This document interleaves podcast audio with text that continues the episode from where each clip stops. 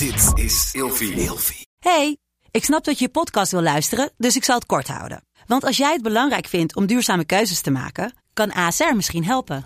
Nou hoor ik je denken, hoe dan? Nou, bijvoorbeeld bij het duurzaam herstellen van schade. Of de premies die we beleggen volgens ons duurzaam beleggingsbeleid. Dat bepaalt waar we wel en juist niet in investeren. Wil je meer weten over welke duurzame keuzes ASR maakt? Ga dan naar asr.nl slash duurzame keuzes. ASR doet het. Zo, dan kan je nu lekker naar je podcast luisteren. Vroeger. Meneer de Munnik, we bespreken deze week het onderwerp Spaanse shit. En in deze aflevering hebben we altijd een verhaal in de categorie overtuigingen en mythologieën. We gaan het hebben over de Spaanse furie.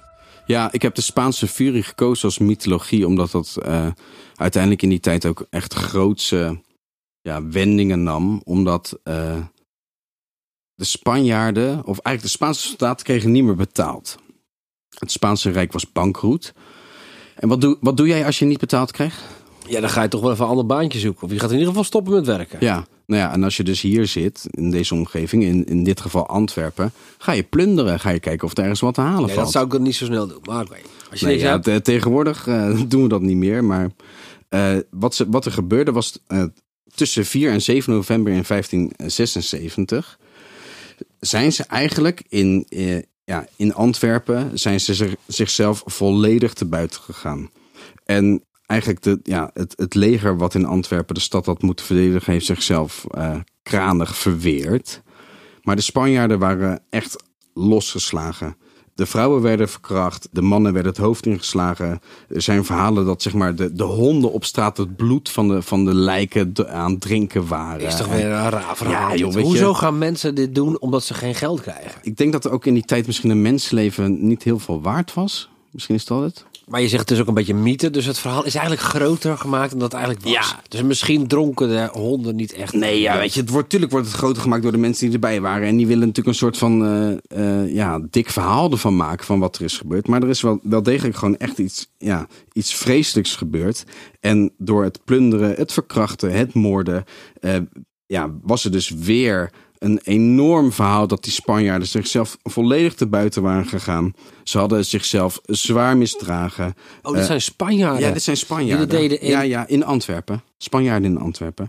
En het verhaal gaat zelfs dat ze zoveel goud hadden gejat. Sommige Spaanse soldaten. Dat ze daarna zeg maar, een wapenuitrusting daarvan lieten gieten.